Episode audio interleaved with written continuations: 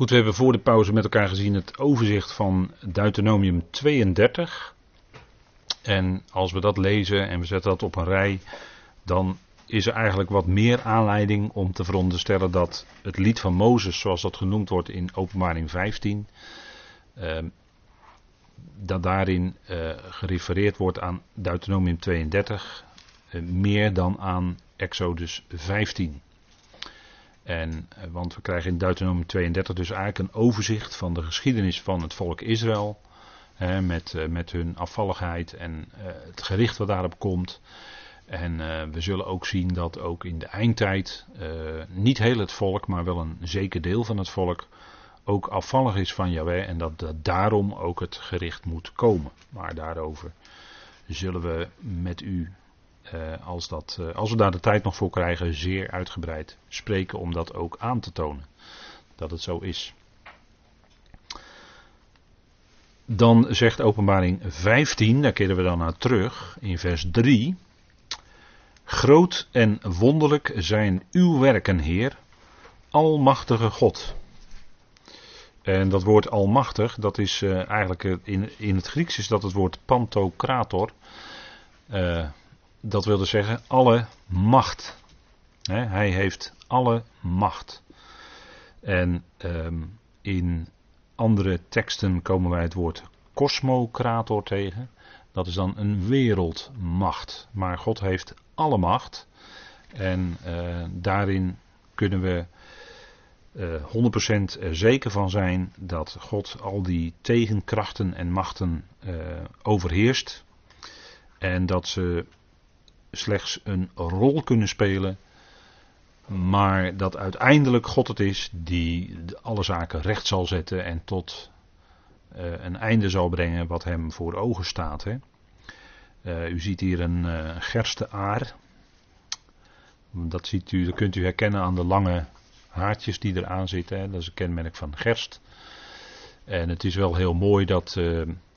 U kent de geschiedenis wel hè, van Naomi. Die zei: Noem mij niet Naomi, maar noem mij Mara, want zij ervoer lijden in haar leven.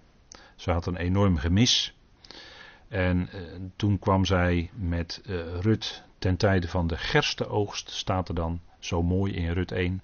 Zij kwam ten tijde van de gerstenoogst in Bethlehem, het broodhuis. Prachtig hè. En dat is helemaal de omgeving. Hè. Dan krijg je die geschiedenis met Boas. En uiteindelijk zal later daar koning David uit voortkomen, hè, uit die lijn. Dus uh, Rut is dan Rut, hè, de Moabitische. Niet onbelangrijk hoor, maar daar zeg ik nu niet meer van dan dat ik nu zeg. Rut, de Moabitische. Maar die zit in de koningslijn naar David. En natuurlijk weten we dat dan daaruit uiteindelijk ook de Messias, onze Heer Jezus Christus, voortkomt als de grote koning. dus Gerst heeft te maken met heerschappij, met koningschap. Ten tijde van de gersteoogst kwam zij in het land. Daar zit. Uh, uh, Paulus zou. Als je Paulus op naslaat, dan zou je kunnen zeggen dat zijn dingen waarin een diepere betekenis zit. En dat is ook zo. En dat zijn allemaal dingen. Er staat geen enkele opmerking voor niets in de schrift, anders zou het er niet staan. Dus je moet je altijd afvragen: waarom staat er iets? Waarom staat dat daar? Nou, die gest is dan uh, belangrijk. Hè? God, zijn werken zijn groot en wonderlijk. Hè? Het brengt je in verwondering. En dat geldt zowel, heb ik hier op deze dia gezet, zowel het werk van het gericht.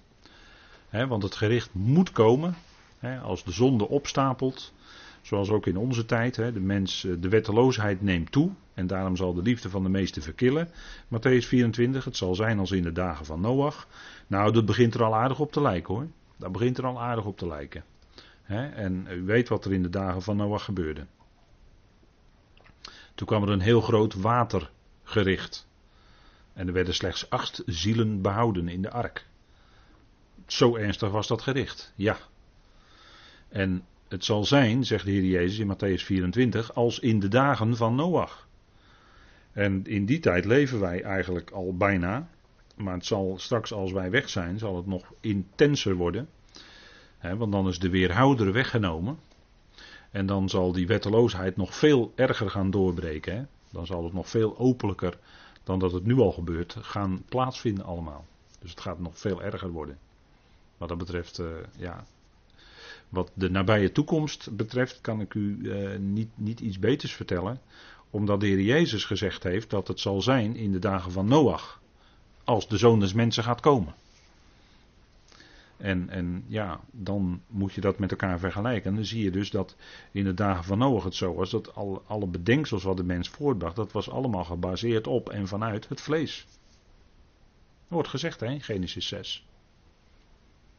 Dat, dat denken, bedenken en denken van de mensen is allemaal gericht vanuit en dus ook naar en gericht op het vlees.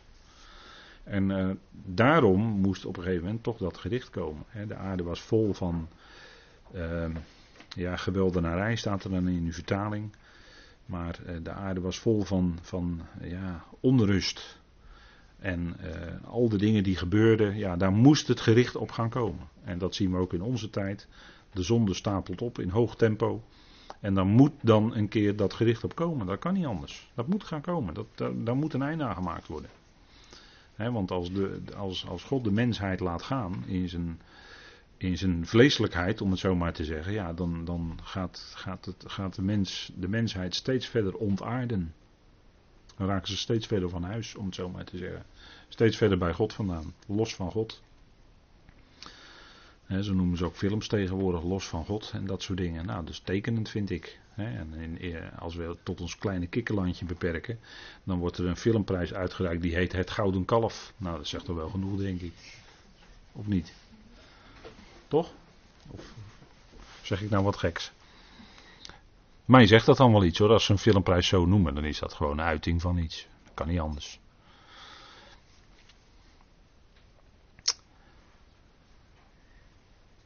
Rechtvaardig en waar zijn uw wegen. Het is een lofzang op God, hè? En dat is toch wel dan heel fijn dat we dit lezen in openbaring. Rechtvaardig en waar zijn uw wegen, koning van de eonen. Dat leest u niet in uw vertaling. Maar uh, waarschijnlijk de beste en meest oude handschriften, die hebben deze lezing. En er zijn verschillende lezingen. Koning van de Heiligen, dat is de Textus Receptus. Maar die is, kunt u op Wikipedia terugvinden. Niet zo betrouwbaar. En dan zijn er nog andere teksten waar eh, koning van de volkeren of koning van de natieën. Uh, en dat, die vindt u ook terug in de Concordant Greek tekst. Vlak boven de Griekse tekst vindt u die aanduiding dat dat een andere lezing is. Maar de Concordant Greek tekst heeft dan hier koning van de eonen. En dit is niet de enige plaats waar dit, deze uitdrukking over God in de schrift gebezigd wordt. Wie kan mij vertellen waar die andere tekst staat? Waar dat ook staat, hè? dat hij de koning van de eonen is. We zingen dat wel eens in een lied, hè? Niet vaak helaas, maar we zingen dat wel eens in een lied. Dit is een heel mooi lied waarin, dat zo, waarin we dat uitzingen.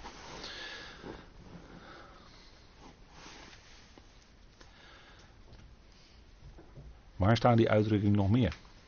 De koning van de eonen.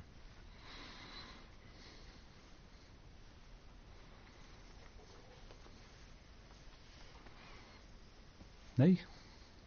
1 Timotheus 1, vers 17.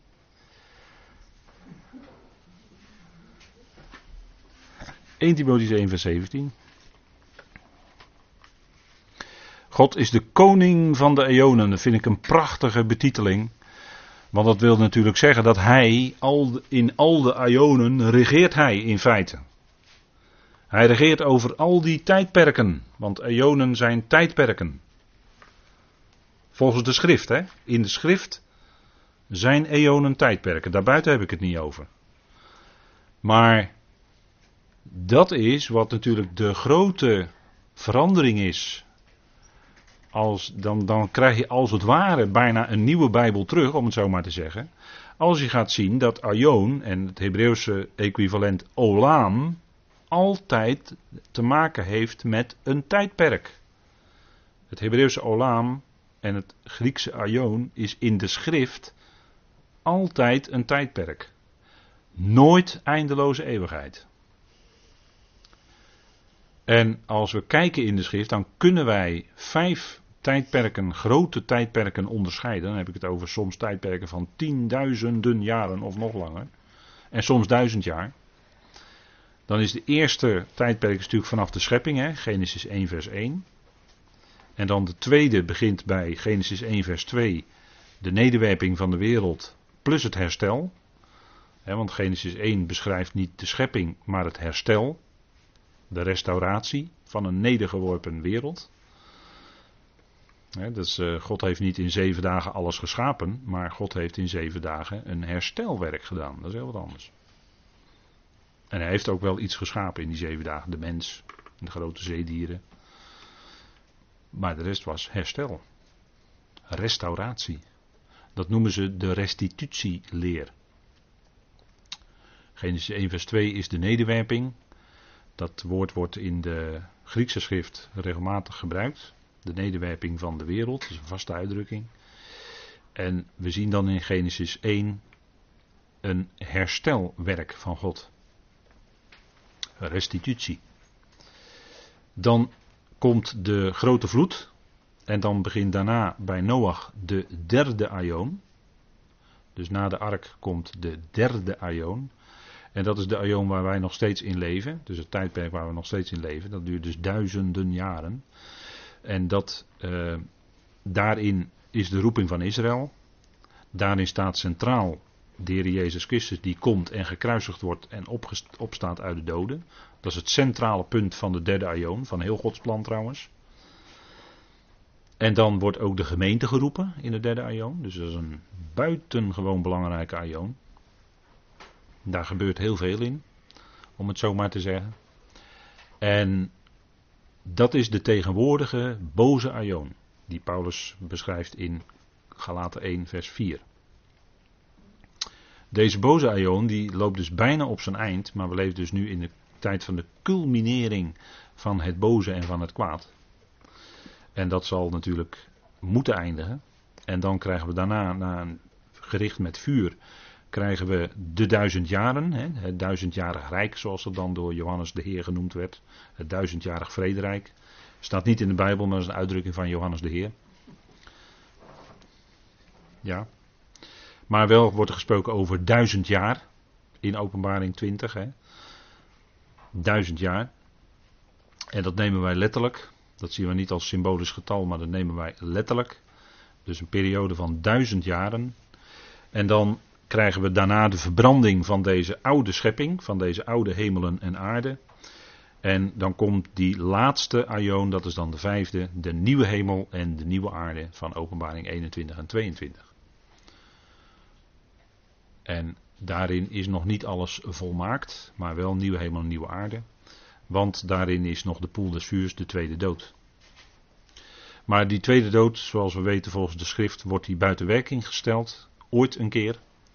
En dan is daarna God alles in allen. En dat is dan. Dan is ook het plan van Ione voorbij. Dan is het tot voltooiing gekomen.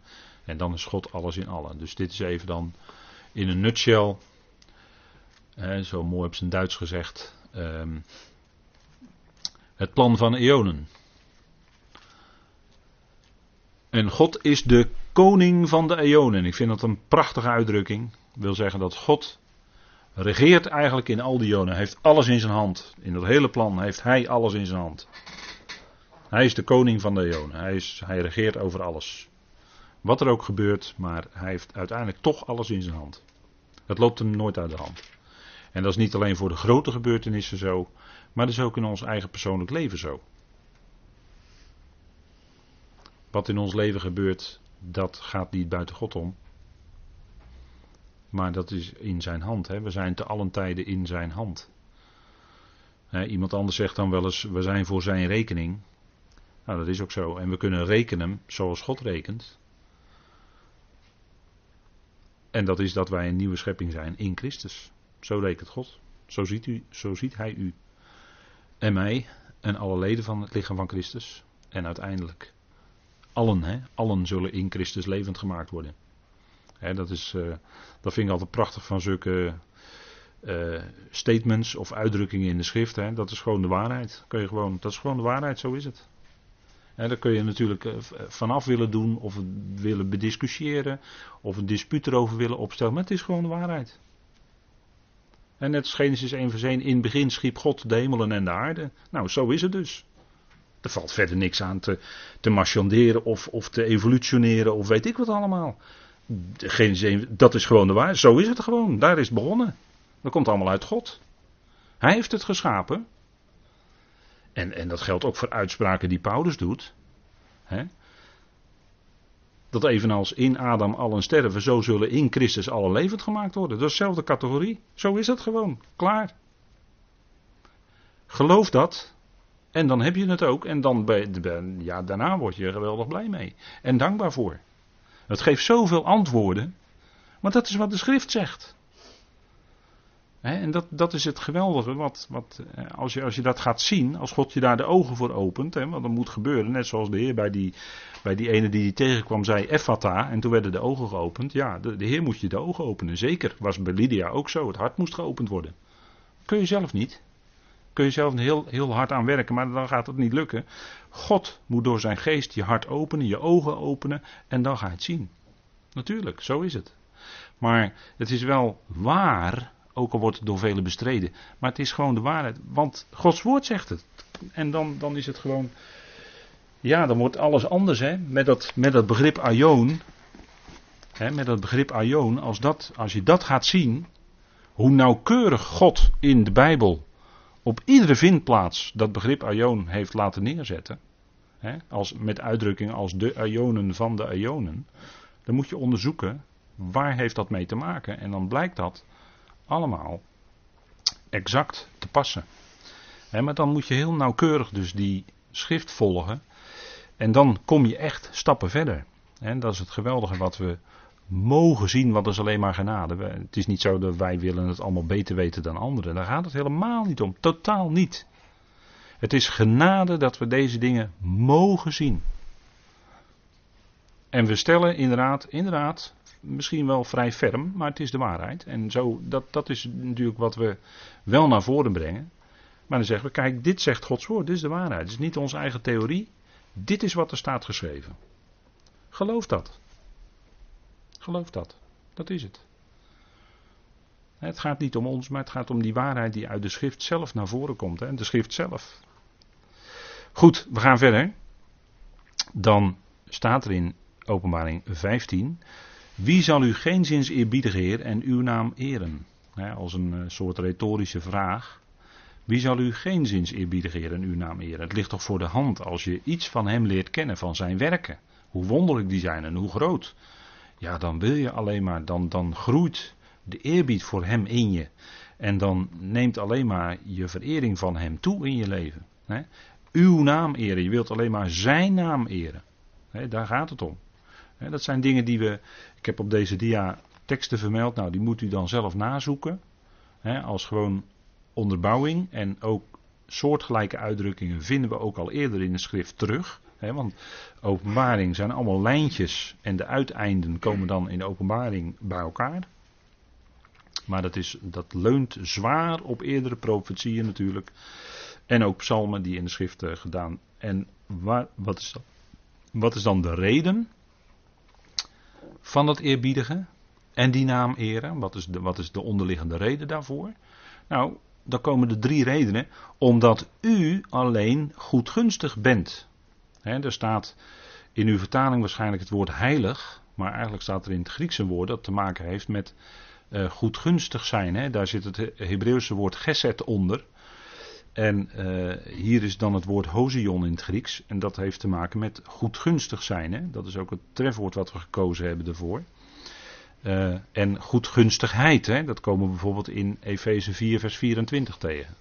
Goedgunstigheid, dan is het een iets, ietsje ander woord, maar wel uh, bijna hetzelfde. Hè? Nou, u, Heer, alleen bent goedgunstig. Alle gunst, genade, goedheid enzovoort komt bij God vandaan. En om die reden eert hier, eert het schepsel hier de schepper, de Heer. Omdat u alleen goedgunstig bent, en dan komt de volgende reden, omdat alle natieën voor u zullen komen en u zullen aanbidden. Kijk, de natieën Die hebben zich nu verenigd. Hè. U ziet op de linker plaatje ziet u het gebouw in uh, New York van de Verenigde Naties. Nou, u weet dat dat uh, ooit begonnen is met de Volkerenbond in het interbellum, hè, de tijd tussen de Eerste en de Tweede Wereldoorlog. Toen heette het de Volkerenbond en daarna is het dan de Verenigde Naties geworden. Het is natuurlijk een enorm instrument om al die volkeren samen te smeden en tot een eenheid te maken.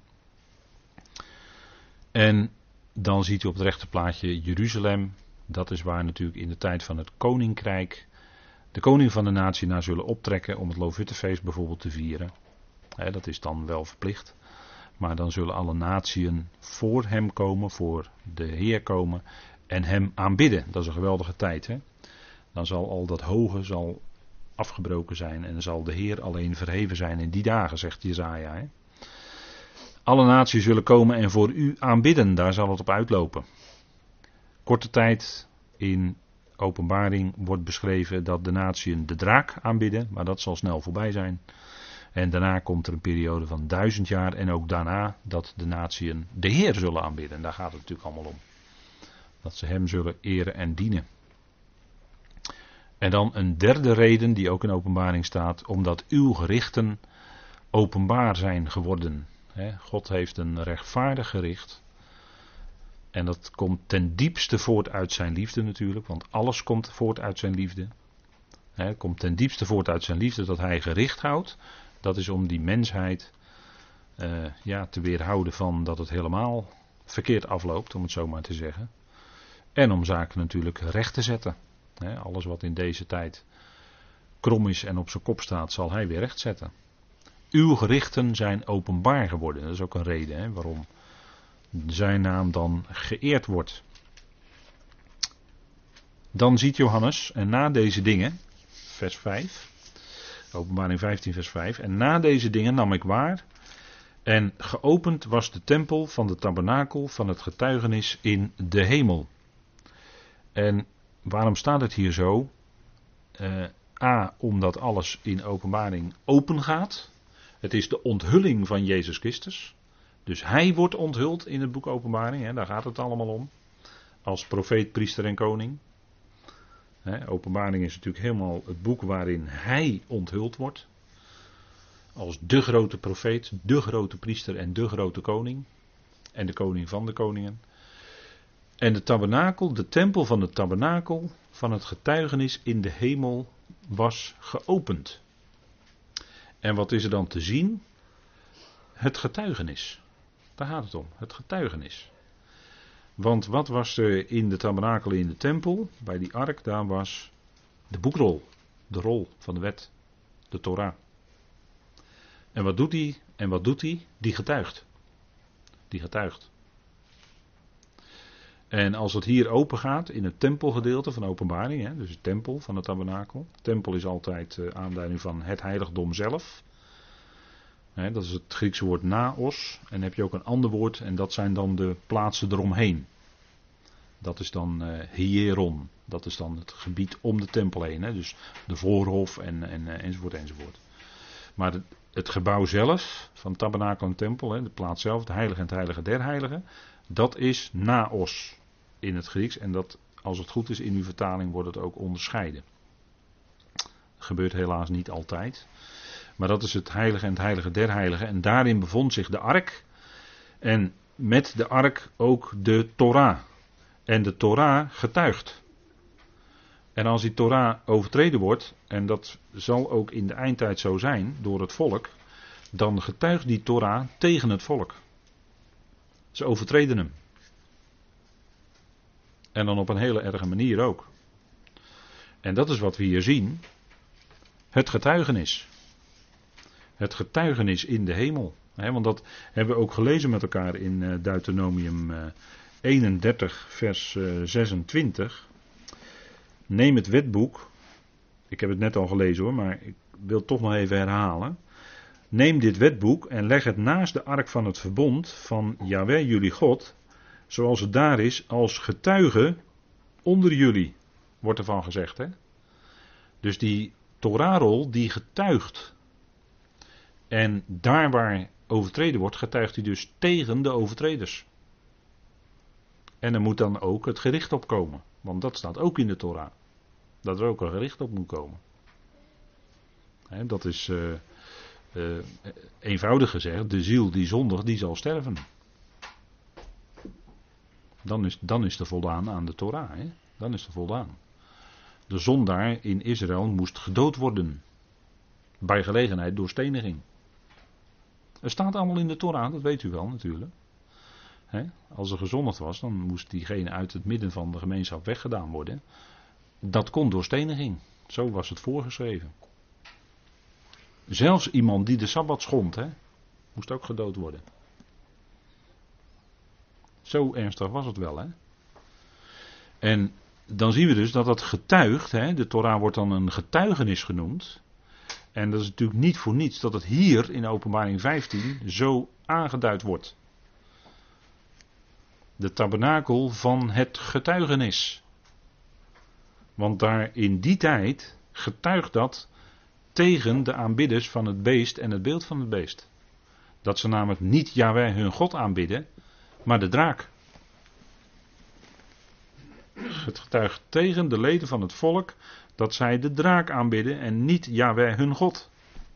En dat heeft consequenties. Dat is het getuigenis hier. Dus dat is heel ernstig. En dan komt dat bijzonder ernstige hoofdstuk, 16. En daarna ook natuurlijk 17 en 18, het gericht over Babylon. Want ik heb u al eerder gezegd, dat is wat hoor, Babylon, dat is wat. Maar dat gaan we zien. Dat gaan we zien. Maar ook waarom Johannes zich verbaasde met grote verbazing over wat hij zag. Dat gaan we allemaal zien. maar dan komt het gericht over Babylon. En dat is ook de slotfase van het gericht. En als dat geweest is, dan zal het ook nooit meer terugkeren. Babylon keert daarna nooit meer terug. Wordt definitief verwoest. En het zal nooit meer herbouwd worden. Nooit meer. Dat zijn hele ernstige woorden hoor, in openbaring 18, die dan gezegd worden. zo hoog neemt God dat op. En dat is dat getuigenis. Het getuigt dan daar tegen het volk. En dan komt er uit de tempel komen zeven boodschappers die de zeven plagen hadden. En dat is natuurlijk een symbolische handeling. Hè? Eén van de vier dieren geeft aan de zeven boodschappers zeven gouden schalen, boordevol van de gramschap van God. We zijn hier in de tempel, tabernakel, sfeer, om het zo maar te zeggen. Hè? Dat wordt aangeduid, heel sterk. En schalen werden in de tabernakel en tempeldienst gebruikt. En wat was er in die schalen? Dat weet u wel. Wat was er in die schalen? Ja, u kunt het zo oplezen van de dia. Vuur, hè? Er zat vuur in. Weet u nog, die geschiedenis met vreemd vuur? Dat ze vreemd vuur hadden. Numerie. En het gericht wat erop kwam. Dat kwam omdat ze vreemd vuur hadden. Ze hadden niet het vuur wat voorgeschreven was in die schalen. En reukwerk zat erin, hè? En dat we mochten alleen de levieten dan bedienen. Want die mochten dan in de tempel komen. Dus in het heiligdom. En er zat dus vuur in die schalen die gebruikt werden en reukwerk. Nou, dat reukwerk hier in openbaring doet denken aan hè, reukwerk, de gebeden van de heiligen, die als een aangename geur voor God opstijgen. Hè, maar dat zijn die heiligen die als martelaren gedood zijn en waarvan het bloed roept en ook dat er in die tijd natuurlijk intens gebeden wordt. Nou, dat, dat is, in symboliek is dat het reukwerk wat tot God opgaat. En er zit in die schalen zit vuur. Vuur, beeld van gericht. En die schalen gaan vervolgens, gaan we zien, uitgegoten worden. Dus dat vuur gaat uitgegoten worden. Dat betekent dat het gericht komt. Dat is die symbolische handeling. Hè? En dat is wat die boodschappers gaan doen. En dat is, dat is eigenlijk de grote slotfase van die gerichtsperiode van de eindtijd. dat is het derde wee. En dan moet u numeri normaal eens op nalezen. Hè, die hele geschiedenis met dat vuur van die, en die schalen en dat vreemde vuur en wat er dan allemaal gebeurt. Hoe, uh, hoe dat met elkaar. Uh, het is boordevol van de gramschap van God. Dat woord tumos, dat is. Uh, dat het gaat om. Dan is volle ernst, laat ik het maar zo zeggen. Volle ernst. En dat, dat, moet, ja, dat moet ook gaan komen. Dat is onontkoombaar. Het, is in openbaring beschreven, dus het moet gaan komen. Gekleed in zuiver en blinkend linnen zijn ze, omgord om de borsten met gouden gordels.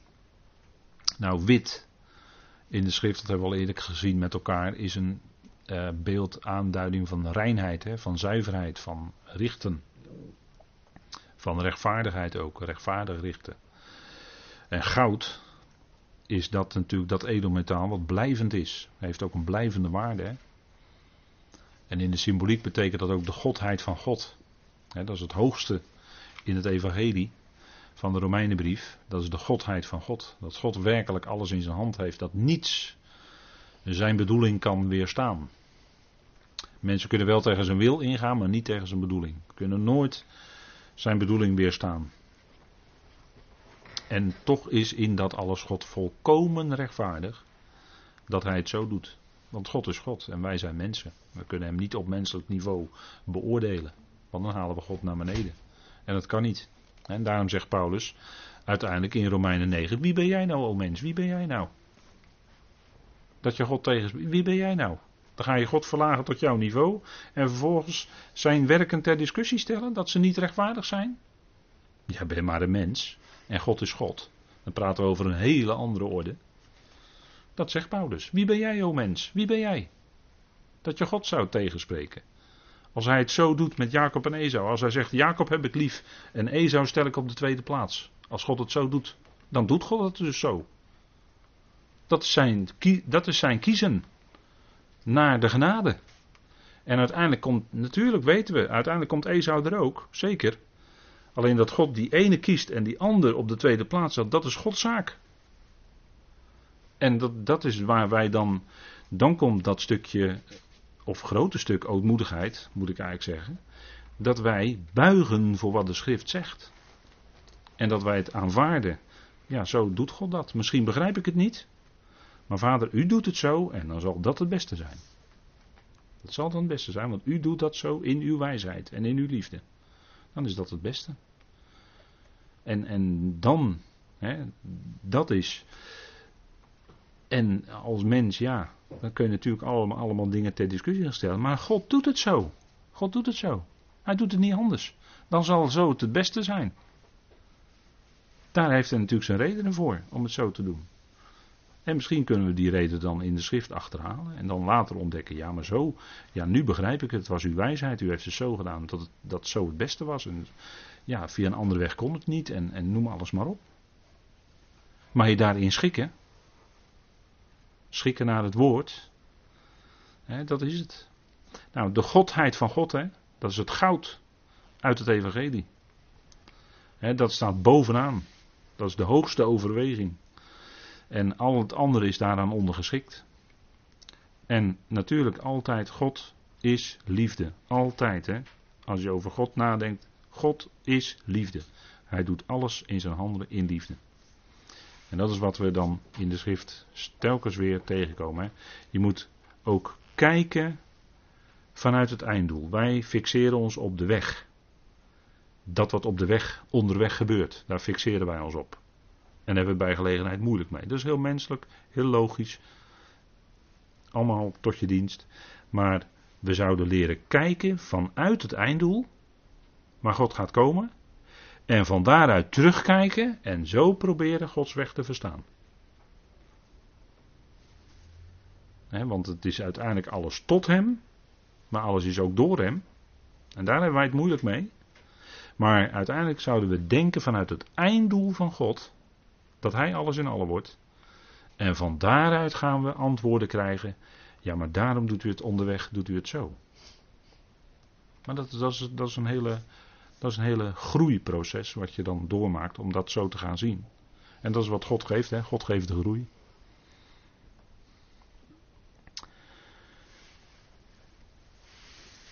De tempel is gevuld met rook of het heiligdom, dat eh, is ook al eerder zo in de schrift geweest, hè, toen de tabernakel werd ingewijd en toen de tempel van Salomo werd ingewijd.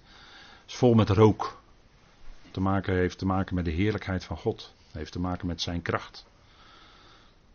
dan kan er even niets in de tempel komen of in de tabernakel. Dan is het gevuld met zijn heerlijkheid. Daar heeft het mee te maken. Hè? De heerlijkheid van God.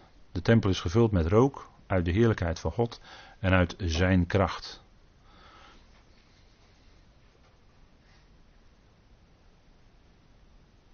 Nou, we zien hier op de bijna laatste dia zien we dat de trompetten en bazuinen beperkt zijn. Dan gaat het eh, beperkt tot vaak een derde.